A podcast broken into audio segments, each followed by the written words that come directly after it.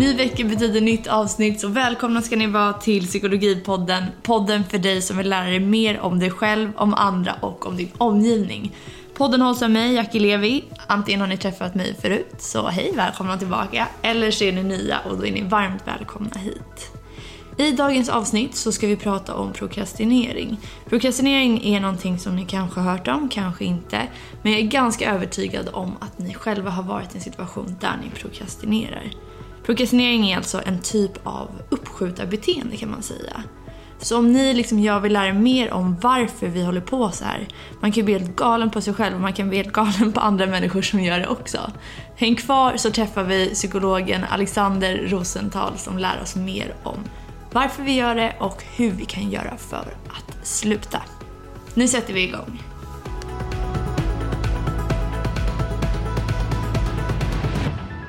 Välkommen hit. Tack så mycket. För de som inte vet, vem är du?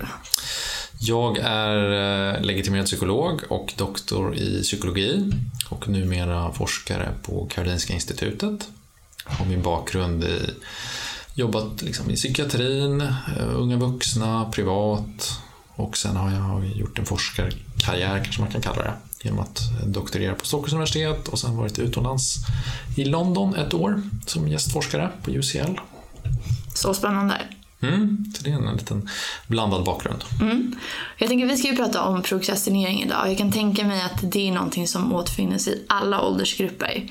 Eh, men vad är prokrastinering för något? Mm. Så definitionen av prokrastinering är att man medvetet väljer att fördröja ett tilltänkt handlingsförlopp trots insikten om att det kan leda till negativa konsekvenser. Inte jätteenkel formulering kanske, men det man trycker på helt enkelt att i valet mellan två aktiviteter eller två uppgifter till exempel så väljer du någonting framför det andra. Och det du undviker är förmodligen något som du hade tänkt att göra. Och i och med att du väljer bort det du har tänkt att göra så kan du också uppleva negativa konsekvenser av det här beslutet. Alltså att du kanske får mer att göra på slutet eller du blir väldigt stressad och oroad över, ska jag hinna i tid? Eller att du får interpersonella problem, som att din partner blir arg på dig för att du inte har tagit tag i den där saken som du skulle göra.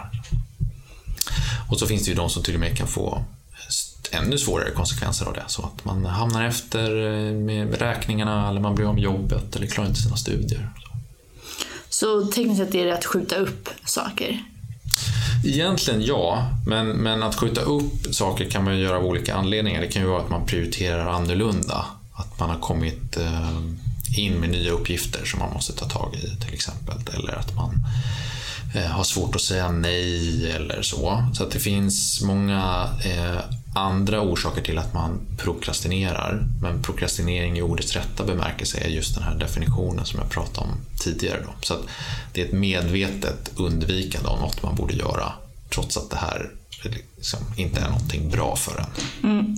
Så man kan tänka sig att det är liksom en irrationell fördröjning av någonting man borde göra medan att skjuta upp kan vara att det faktiskt kommer upp någonting viktigare som du måste ta tag i nu. Precis, för att i varje sekund så finns det kanske tusentals uppgifter som du i teorin skulle kunna ta tag i. Men det är ju inte alla som du har ett medvetet intresse eller eh, vilja att ta tag i. Eh, eller du kanske inte ens har insikten om att det finns de här uppgifterna. Mm. Så det är, det är inte riktigt samma sak som att bara skjuta upp. Men det är inte några vattentäta skott mellan de här andra beteendena och prokrastinering. För att prokrastinering är ingen diagnos, så det är ganska svårt att sätta en gräns för när man skjuter upp saker lite sådär vardagligt och när det blir ett problem. Då. Mm. Jag tror att även om man inte har en diagnos eller sa du att man kan få en diagnos? Nej. Nej, det var det jag tänkte. Jag bara, vänta då har de missat er till mig. Nej, jag eh, Nej men eh, att väldigt, väldigt många känner igen sig i det. Att man undviker att göra det man borde göra och istället ägnar man sig åt sånt som kanske är bra ändå. Så städa eller eh, helt plötsligt tvätta eller ringa någon kompis man inte har snackat med på fyra år. Eller, alltså, Någonting sånt. Mm. Och jag tänker att det är en ganska bra poäng att, att lyfta också. Att det man väljer att göra istället för det man borde behöver inte alltid vara någonting väldigt nöjesfyllt. Alltså det behöver inte vara att man går ut och träffar kompisar eller så. Utan det kan lika gärna vara de här andra uppgifterna eller aktiviteterna som i sig är nyttiga att göra. Men som handlar egentligen om att du undviker att ta tag i det större. Så att man kan ju vara väldigt produktiv när man prokrastinerar. Gud ja. Det känns som att man typ är som mest produktiv i alla andra områden som man i vanliga fall inte är produktiv i. Absolut, och det finns en hel kult kring det där. Mm. Det kallas för produktiv prokrastinering. Då. Och på ett sätt så, ja, det är en strategi som, som funkar om man tänker sig att man ska få mycket gjort inom andra områden. Då. Men i slutändan så måste du ändå ta tag i det där du har skjutit upp. Och då kanske du måste göra det i sista stund. Så att det kan ändå upplevas som väldigt stressfyllt att agera på det viset. Mm, absolut. Men jag tänker att, för du sa att de här andra sakerna som man gör kan vara eh, alltså inte nödvändigtvis negativa. Typ om man städar, tvättar eller tar tag i andra saker som man också borde ha gjort innan. Blir det en typ av förstärkning av, eh, alltså, av det beteendet, av det undvikande beteendet om du förstår hur jag menar? Ja, eh, inte direkt, men däremot så kan det ju upplevas som att man får mycket gjort och att man fortsätter med den här strategin. Men jag skulle säga att det är snarare avsaknaden av negativa konsekvenser som gör att folk fortsätter att prokrastinera. För jag var inne på att, att man är medveten om att det här beslutet är dumt, att skjuta upp någonting. Men oftast är det så med prokrastinerare då, att de hinner klart i sista stund. Och då får de inte riktigt erfara liksom en aversiv konsekvens som det kallas då, eller skadlig konsekvens av sitt beteende. Utan känslan är, åh vilken tur, jag klarade mig i sista stund. Så eh, jag lärde mig egentligen inte någonting av att göra på det här viset eller bete mig på det här viset. Då. Så nästa gång när, jag, du ska göra en liknande uppgift så kommer du förmodligen göra på samma sätt. Då. Precis, för att det funkade att göra så förra gången. Yes. Men du sa att när man prokrastinerar så undviker man ju någonting annat. Alltså det man borde göra. Vad är det för typer av uppgifter eller handlingar som man oftast undviker? Ja, I teorin så kan du undvika vad som helst. Alla typer av uppgifter eller åtaganden eller aktiviteter. Då. Men det de flesta rapporterar som besvärligt det är ju saker som är kopplat just till studier och till, till jobbet. Då. Alltså att det är väldigt stora uppgifter som man vet inte var man ska börja. Eller det är uppgifter som man tycker är svåra eller på något sätt väcker obehag. Och det kanske är då att man ska sätta sig ner och plugga då om man är student inför en tenta som man upplever är väldigt svår. Då kanske man skyr den uppgiften och gör någonting annat istället för att man tycker att det, det är så jobbigt att, att eh, behöva känna att det, här är, att det går trögt och man inte riktigt vet vad man gör. Och kopplat till jobbet så kanske det är mer då att det är ett jätte, jätteprojekt som, som ska bli klart om tre månader. Så att det känns som att ah, det spelar ingen roll om jag väntar tills imorgon, jag kan ta det liksom senare. Det, det är för mycket just nu. Så man försöker på något sätt ändå eh, ursäkta sig själv med att men jag kan ju ändå göra det här sen eller jag kommer vara mer sugen på att göra det här sen. Och då kommer jag göra det bättre till och med. Ja, och det finns en, en, gemensam nämnare hos många som prokrastinerar Eh, och som gör det regelbundet i att man har den här upplevelsen av att man måste vänta på att vara tillräckligt motiverad. Och det är det som också gör att de fastnar i att inte komma till skott med saker. Alltså, jag måste känna mig på ett visst sätt eller jag måste vara tillräckligt motiverad för om jag tycker att det går trögt då betyder det att eh, den här uppgiften är för svår för mig. Eller, alltså, det är många föreställningar av det slaget som skapar hinder för att komma igång. Mm, mm, det kan jag verkligen tänka mig. Um, och jag funderar mycket på alltså den affektiva komponenten, det här med att man undviker någonting som är obehagligt. Det känns som, och det är det ju alla beteenden, inte bara prokrastinering, att det är en väldigt stark drivkraft. Mm. Alltså, som gör att eh, beteendet fortsätter att finnas. Alltså det är en förstärkare i sig att undvika obehaget. Ångesten försvinner ju i stunden. Mm. Ja, I de fallen där man undviker en uppgift eller en aktivitet på grund av att det är förknippat med obehag så kan man verkligen se det eh, inslaget då. Att man väljer att eh, eh, hålla sig borta från det som väcker obehag för att därigenom då slippa uppleva känslor som är negativa. Då. Mm.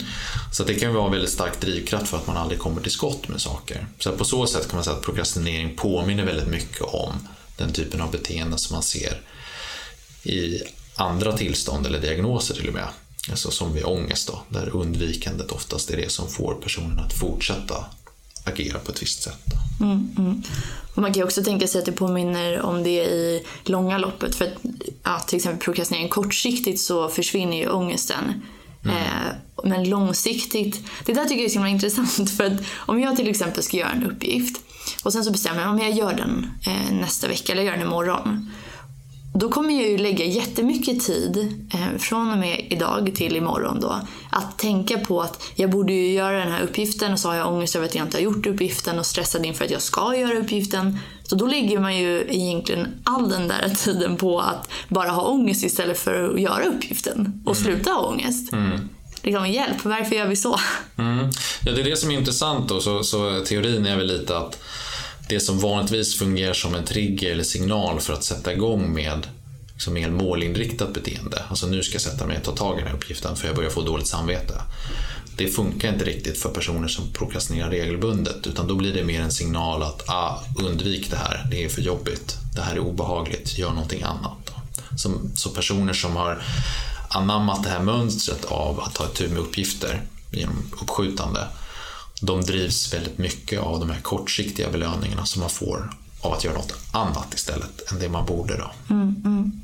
Du återkommer till att de som prokrastinerar regelbundet. Vad är en regelbundare prokrastinerare för något? Ja, och det är lite lurigt för det finns ju inga eh, tydlig gräns för när man då övergår från att eh, jag skjuter upp någon liten grej på jobbet till att jag gör det här så pass ofta att jag får problem. Då.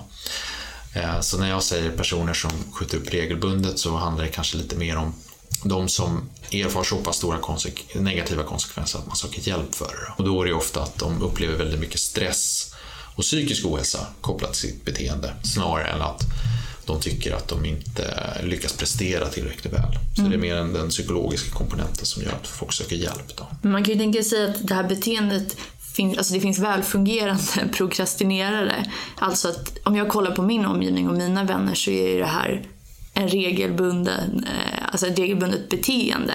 Inte så att de får ett jättestort lidande i längden. Att mm. de inte klarar sina studier, blir av med jobbet. Men det skapar ju väldigt mycket svårigheter och problem i stunden och ett onödigt lidande i stunden. Mm. Och det är av den anledningen som, som man tidigare har försökt definiera prokrastinering som ett irrationellt eller ologiskt beteende. Att det finns egentligen ingen anledning till att bete sig på det här viset. Det leder bara till massa negativa konsekvenser, så varför fortsätter man? Men om man, om man tittar lite närmare på teorin kring varför man prokrastinerar, då eh, ser man att det finns en logik ändå, eller något rationellt i att bete sig på det här sättet. Då.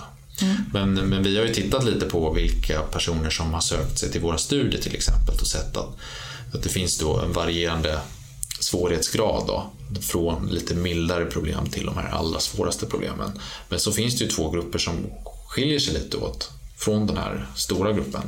Och det är de som primärt är deprimerade och som har svårt att komma till skott av den anledningen. Och då är deras huvudsakliga problematik kanske snarare en låg sinnesstämning. Och den andra gruppen eh, som skiljer sig lite åt, det är den här eh, gruppen med mer välmående prokrastinerare, eller vad vi ska kalla dem, som trots sitt eh, ganska stora uppskjutande ändå mår rätt bra. Och då är det förmodligen, en hypotes i alla fall, anhöriga som har sagt att du borde söka hjälp mer för att de blir påverkade än personen själv.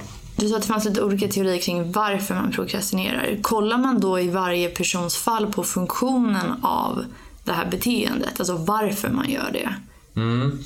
Ja, den, den eh, teorin som har de starka stöd forskningsmässigt den bygger då på att vi prokrastinerar till följd av att det är fyra olika faktorer som antingen kan göra det lättare eller svårare för oss att komma till skott med saker. Och I den modellen då så kan man då eh, titta närmare på för en specifik person, vad är det som skapar problem för dig? då? Och den här modellen går lite kortfattat ut på det här viset. Då, att för att vi ska känna oss tillräckligt motiverade att ta tag i en uppgift eller en åtagande eller vad som helst så måste det först finnas ett tillräckligt högt värde i det vi gör, alltså någon form av belöning eller morot. Och det kan antingen vara externa saker som pengar och status och sånt eller inre aspekter som att man drivs väldigt mycket av att man eh, ska jobba med en viss sak eller att man vill stå för någonting som person. Då. Men det värdet påverkas också av förväntan att nå det här värdet och då kommer man in på mer alltså aspekter som har att göra med tilltro till sin egen förmåga, självbild, tidigare erfarenheter och liknande. Så även om värdet skulle vara väldigt högt, säg att du får en miljon att springa maraton till exempel, så kanske du inte kommer till skott med din träning för din förväntan att klara av det här loppet är väldigt, väldigt lågt. Då. Så de två sakerna hänger ihop. Sen så påverkas det här i sin tur då av tiden som återstår tills att själva värdet infaller. Och då funkar vi människor på så sätt att vi så att säga avskriver värdet ju längre fram i tiden det kommer. Så låt säga att du skulle få en miljon för att springa maraton, men du får det först om ett år. Då är det inte så säkert att det påverkar ditt beteende idag, därför att värdet är så pass långt fram att du hellre ägnar dig åt någonting annat. Då. Och sen så påverkas tidsaspekten också av det som man brukar kalla för känslighet för fördröjning. Men ett lättare ord är förmodligen impulsivitet. Det vill säga att vissa kan vänta väldigt länge med att få en belöning för arbetet de lägger ner. Medan andra vill ha belöningen nu. Och där är vi lite olika. Då. Så värde, förväntan, tid och impulsivitet är de faktorerna som, som ligger till grund för varför vi prokrastinerar. Om man tänker på det senaste du sa, det här med impulsivitet. Om man nu lyssnar på podden och känner att eh, men jag har problem, jag vill gärna ha en belöning nära i tid eh, för att känna att jag blir motiverad och vill fortsätta. Mm. Hur kan man då skapa den typen av motivation alltså för sig själv kortsiktigt? Mm. När det gäller de som är mer då impulsdrivna prokrastinerare då handlar det dels om att ta bort saker som är mer omgående belönande. Alltså distraktioner skulle man kunna kalla det.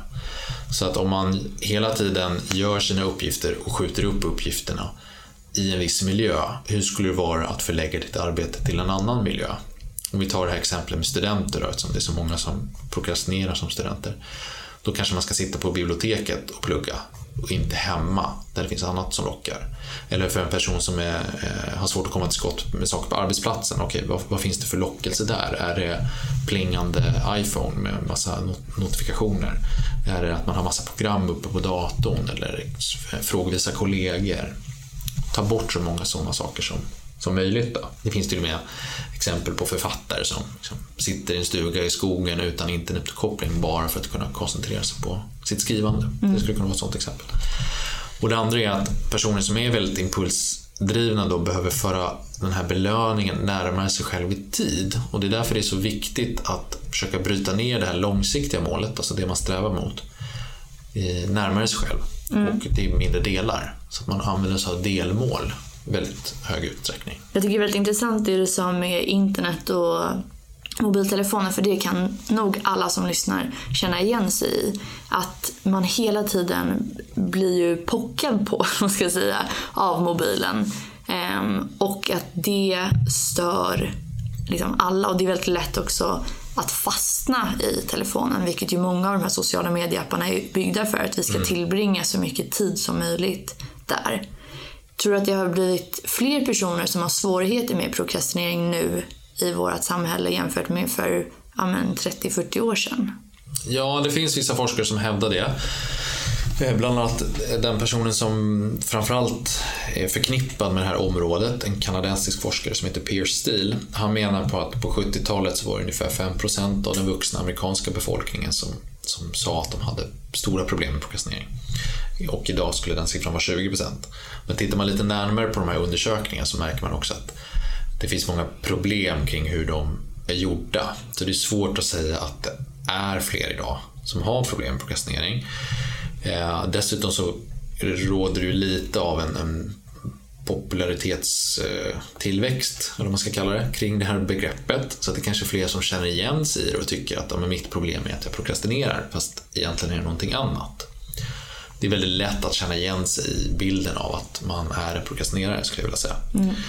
Men jag tror ändå att det är fler som har problem med prokrastinering idag. Utifrån att man just omger sig av fler distraktioner.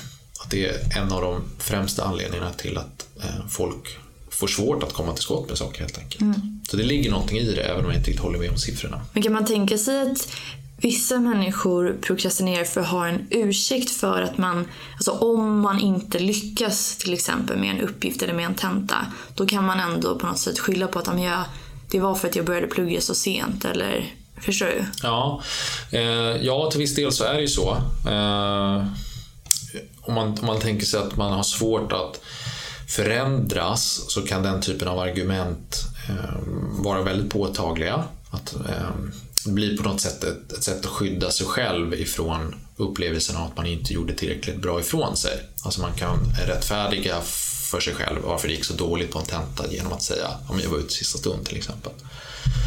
Men jag tror mer att det kanske handlar om, om saker som att man inte tar hänsyn till olika aspekter kopplat till sitt beteende precis innan deadline.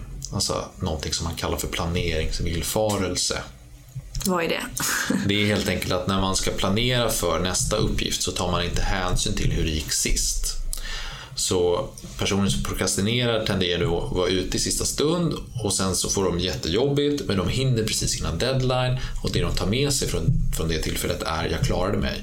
Inte ja, jag kanske borde börja lite tidigare nästa gång därför att alla de här sakerna dök upp i sista stund som jag också var tvungen att ta tag i. Då. Så att det finns det här lite dilemmat av att vi inte är så bra på att planera framåt utifrån vad vi har haft med oss sedan tidigare. Då. Och det är det man menar med planeringsvillfarelse. Vi, mm. vi är helt enkelt väldigt dåliga på att planera. Kan man tänka sig att, eh, det kanske inte kommer kallas så planeringsvillfarelse, men jag har i alla fall upplevelsen av, jag är en ganska stor tidsoptimist och tycker om att säga ja till saker. Mm. Och har då också svårt att avgöra hur lång tid de här sakerna kommer att ta. Så att, att man jag menar att man har en felaktig uppfattning kring hur mycket tid någonting kommer att ta så man bokar in tio grejer och sen hinner man inte med. Mm. Eh, då måste man skjuta upp någonting. Inte kanske, ja i och för sig, då blir det uppskjutning och inte prokrastinering, eller? Mm, det finns ju nämligen de som menar att, att eh, motsatsen också förekommer. Att personer som eh, behöver ta tag i allting på en gång eller tacka ja till väldigt mycket, att de också får problem. Och då har några myntat det här begreppet prekrastinering istället för prokrastinering. Mm. Och det kan man ju känna igen sig lite i bland personer som eh, lider av utmattningssyndrom eller som eh, har annan form av stressrelaterad ohälsa. Att de har varit personer som tagit på sig väldigt mycket, svårt att säga nej, svårt att sätta gränser och har svårt att prioritera. Och där skulle man snarare jobba med att personen ska skjuta upp saker istället, så tvärtom. Då. Så att jag skulle säga att det är, ju, det är en balans man ska komma åt. Då. Vi vill inte ha superduktiga robotar som gör allting på en gång.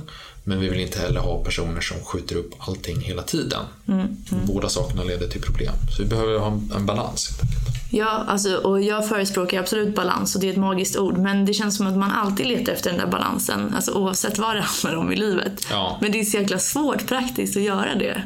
Ja, sen handlar det om, om övergångar. Jag tänker att en, en anledning till att folk söker hjälp för prokrastinering då, vid vissa specifika tider i livet handlar väldigt mycket om att man har med sig en uppsättning färdigheter och sätt att ta itu med uppgifter på från en fas i livet till en annan och så matchar det liksom inte riktigt hur det ser ut i den nya miljön. Då.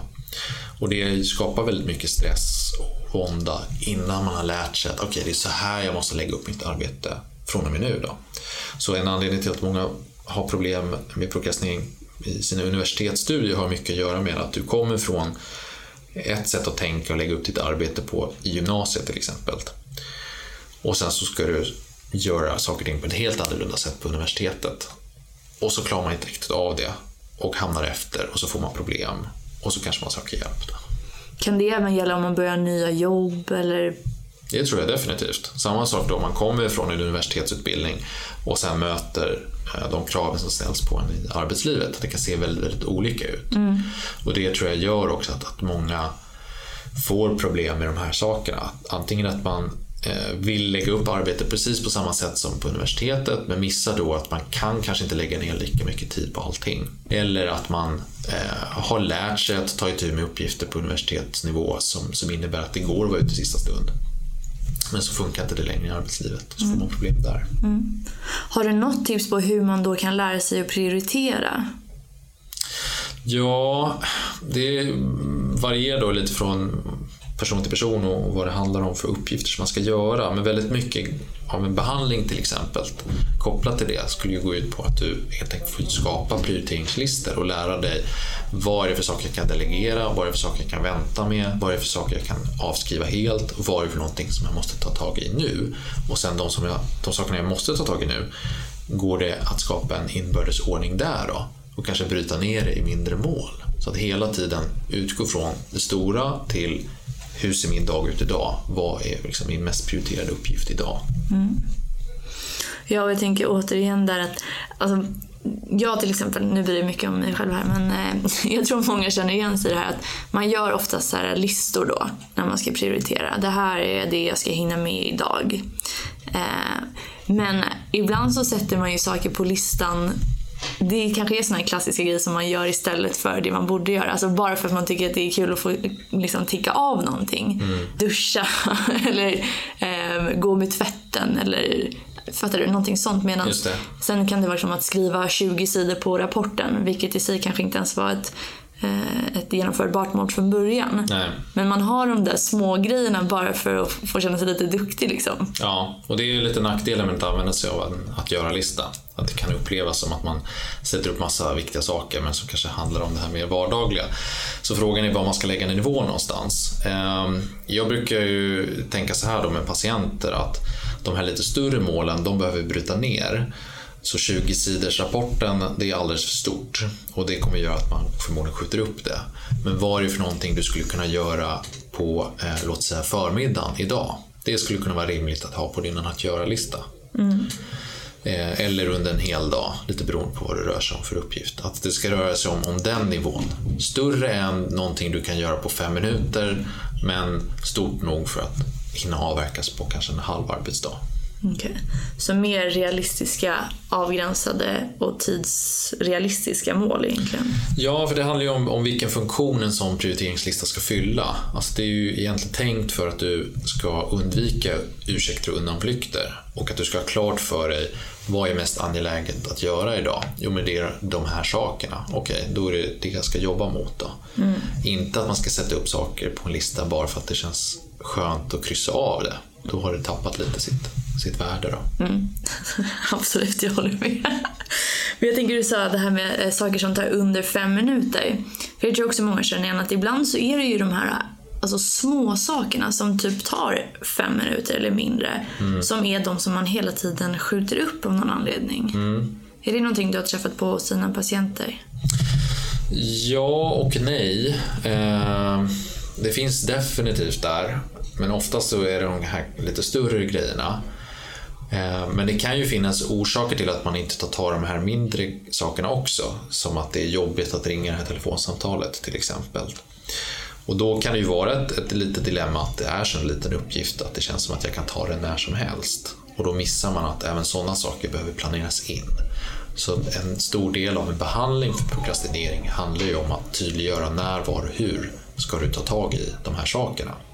Så man jobbar väldigt mycket med att specificera Ja, men eh, på onsdag klockan 13.00 ska jag ringa det här samtalet till min husläkare eller vad det är. Så att det är tydligt mm. specificerat. Så det handlar mycket om att sätta upp någon typ av väldigt tydligt schema? Ja, egentligen. Det är bland de viktigaste sakerna att arbeta med i en prokrastineringsbehandling. Och att gå då från vad är det långsiktiga målet, det som förmodligen är det man skjuter upp. Går det att bryta ner i mindre delar? Okay, hur många delmål kan vi ha då?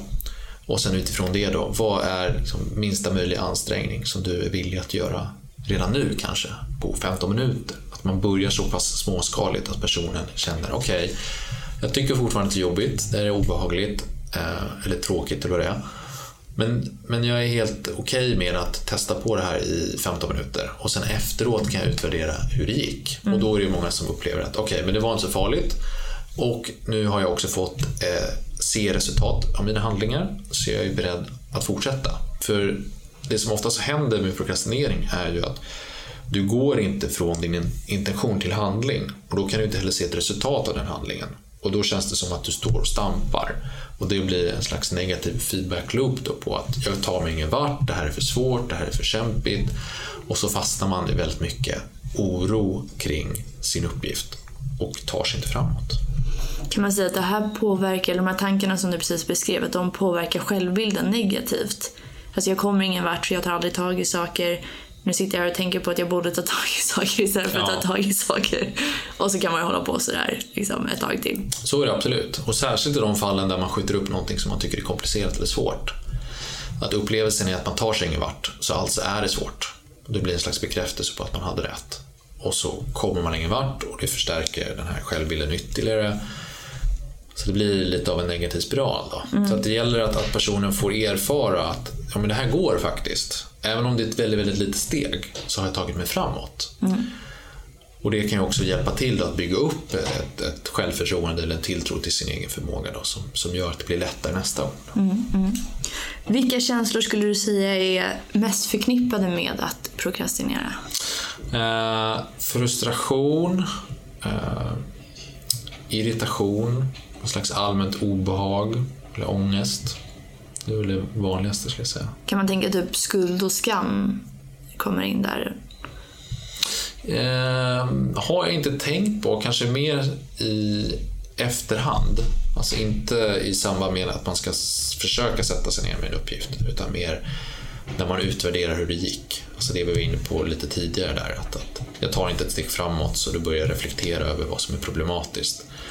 Och så kanske man gör någonting annat och så känner man väldigt mycket skuld och skam över att ja, men nu sitter jag här igen och håller på, kommer ingen vart. Mm, precis, det var det jag tänkte på. Alltså, när man har prokrastinerat eller när man håller på att prokrastinera, då kan de känslorna vara vanliga. Att man liksom har dåligt samvete över att man inte ja, gör det man borde. Absolut, och det förstärker ju den här bilden då, av att man inte klarar av någonting, eller vad det nu kan vara. Att eh, eh, jag, här blir ytterligare ett bevis på att jag inte klarade av min uppgift. Eh, det här kommer aldrig gå. Och så känner man ännu mindre motivation sen. Men om man befinner sig i en sån situation där man sitter med alla de här tankarna som snurrar, hur kan man bryta dem och faktiskt göra någonting produktivt? Ja, egentligen är det ju att, att eh, ta sig an det minsta möjliga som man är beredd att göra. Att man behöver komma till skott och se att det leder framåt. Och i det så finns ju också en komponent av att stå ut med en viss känsla.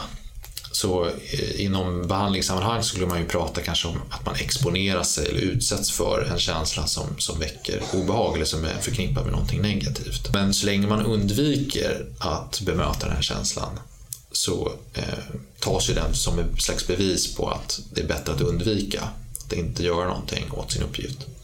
Så genom att ta sig an en uppgift, även om det bara handlar om att sitta ner mer än i 15 minuter, eller vad det nu kan vara, det kan ofta räcka för att den här känslan ska ebba ut eller klinga av lite grann. Så att man känner att ja, men nu flyter det ändå på. Det inte var så farligt som jag hade tänkt mig. Jag tänker att många människor som är vana att skjuta upp, som du sa, de får ju oftast ihop det liksom, där sista dagen och får inte erfara de negativa konsekvenserna som hade skett om man inte fick ihop det. Eh, Men jag tänker att många människor säger ju att så här, men du vet, jag kan inte fokusera förrän jag är riktigt nära deadline. Alltså det fokuset jag får och det jag kan producera så där i sista hand, det, där kan inte jag hamna om jag inte ja, är ute i sista sekund. Ja. Stämmer det? På eh, ett sätt så gör det. Ehm, Den typen av så att, så att säga, deadline-romantik förekommer väldigt ofta. Och man pratar också om adrenalinjunkies kopplat till prokrastinering. Att, att man kan få en kick av att vänta in i det sista.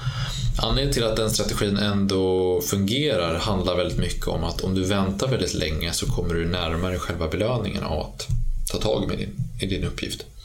Och det skapar ett skifte då från distraktioner eller aktiviteter som distraherar dig och som är mer omgående belönande till det som är mer prioritet eller viktigt. Så ja, det fungerar i praktiken men risken är ju också att du gör saker och ting eh, lite sämre än om du hade startat tidigare eller du kan inte ändra saker i din uppgift eller att det påverkar andra personer i din omgivning som kanske står där och väntar på att du ska bli klar. Det är intressant för då är det ju alltså inte bara själva den faktiska tidsaspekten som spelar roll, alltså att det måste in. Utan också som du säger att belöningen också kommer närmare.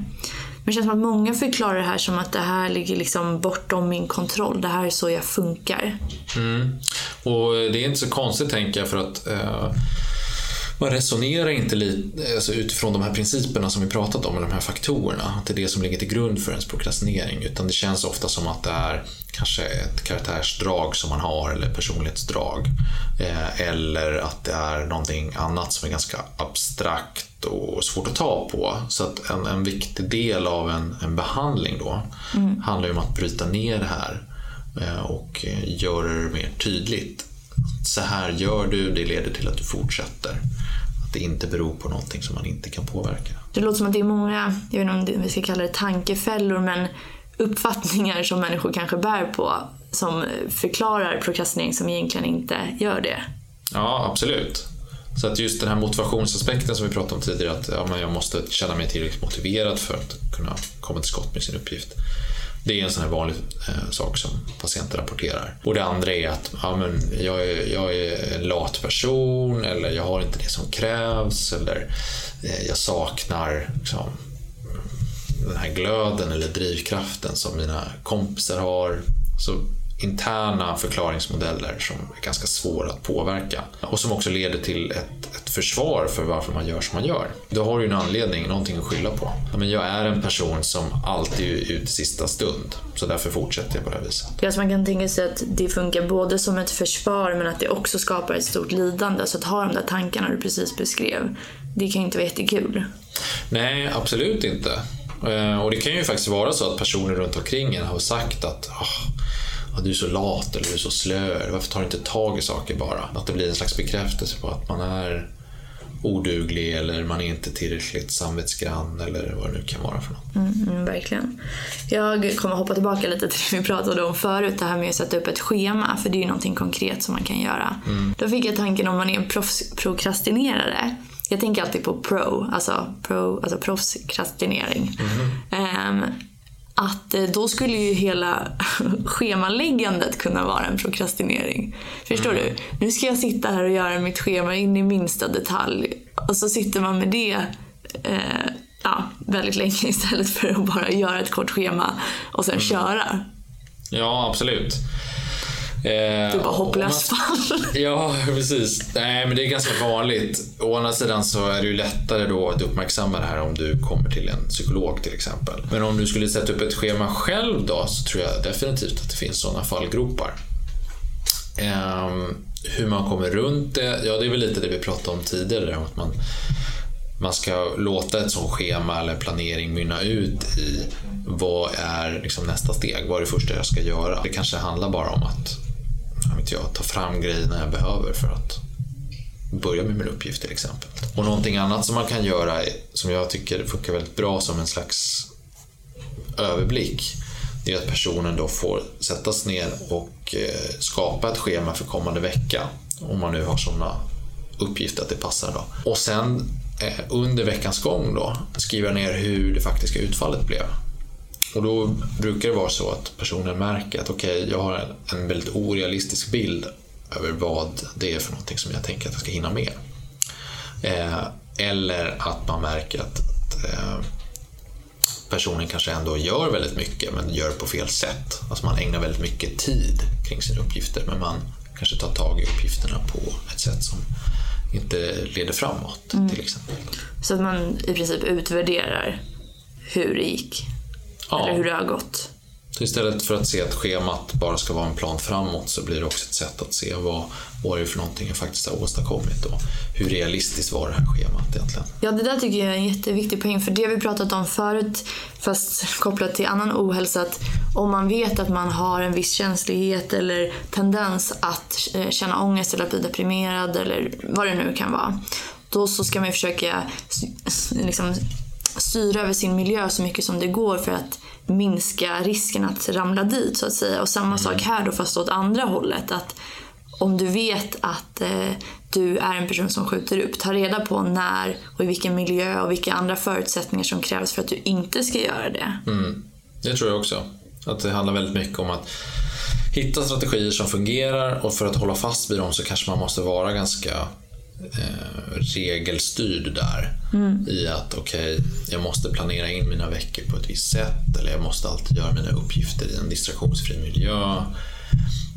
jag tänker att det här är färdigheter som många människor tar för givet för att man alltid har betett sig på det här viset. Men om man har varit en, så att säga, en notorisk prokrastinerare så har man kanske inte med sig det i bagaget. Då behöver man implementera det här på ett lite mer strikt sätt för att vardagen ska funka. Ungefär lite som man, man tänker i, i relation till patienter med ADHD. Att det kan vara väldigt bra att man, man följer vissa rutiner hela tiden. Det blir automatiserat. För att man vet att det, det kommer underlätta väldigt mycket. Det där lät, alltså notorisk prokrastinerare, det hade ju kunnat vara ett ascoolt rap-name på, eh, name, namn på engelska. Notorious procrastinator. Ehm, men jag, jag, tänker på att alltså, så här, någon som vi, eller många kanske har växt upp med, alltså Alfons Åberg. Ja. Du vet vem det är antar jag. Yes. Han är ju så här, kungen av Jag ska bara. Ja. Um, och vi pratade om det, jag vet inte hur många av er som har varit med sedan början, men jag tror att det var i första avsnittet när jag sa att man åbergar sig fram genom livet. Alltså att jag ska bara det, jag ska bara det. Mm. Hur eliminerar man de här jag ska bara, förutom det som du har sagt redan? Det beror lite på vad man menar. För jag tänker att eh, Alfons kanske gör någonting annat som är viktigt också.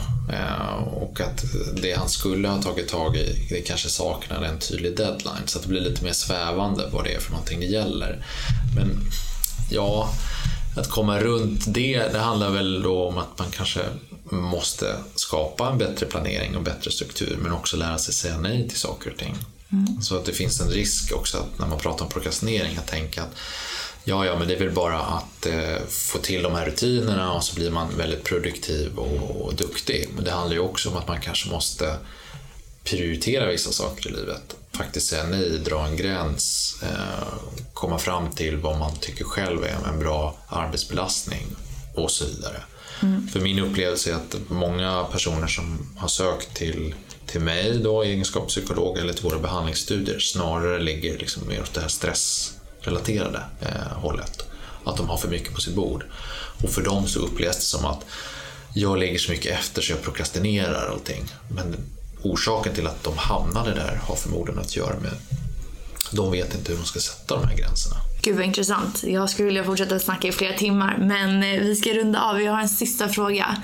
Det är ju aldrig så enkelt tyvärr att man bara kan sluta med någonting. Det hade ju varit jättehärligt. Men, mm. men finns det någon så gyllene regel ja, som man kan säga, liksom fånga upp sig själv när man börjar i de här banorna? Att nej men nu, nu har jag fem sekunder på att gå och sätta mig och börja med det här. Svårt att säga, men om man, om man eh, märker att man okay, nu börjar prokrastinera. Eh, se till att, att börja smått då. Jag tänker att en, en, risk är väl väldigt lätt att, ah, okej, okay, men nu har jag fastnat här framför YouTube i en timme så jag kan väl lika gärna vänta tills imorgon med att min uppgift.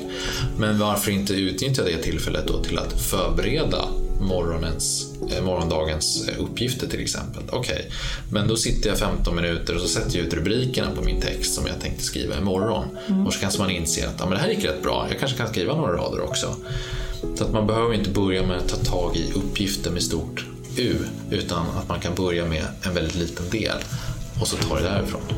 Ja, för det där känns lite så här, fast jag har mig ofta med lite svart eller vitt tänk att man tänker, ja men precis, nu har jag suttit med YouTube en timme, nu kan jag lika gärna vänta till imorgon. Ja. Eller nu har jag inte gått och tränat och det är torsdag, jag kan lika gärna vänta till måndag. Ja.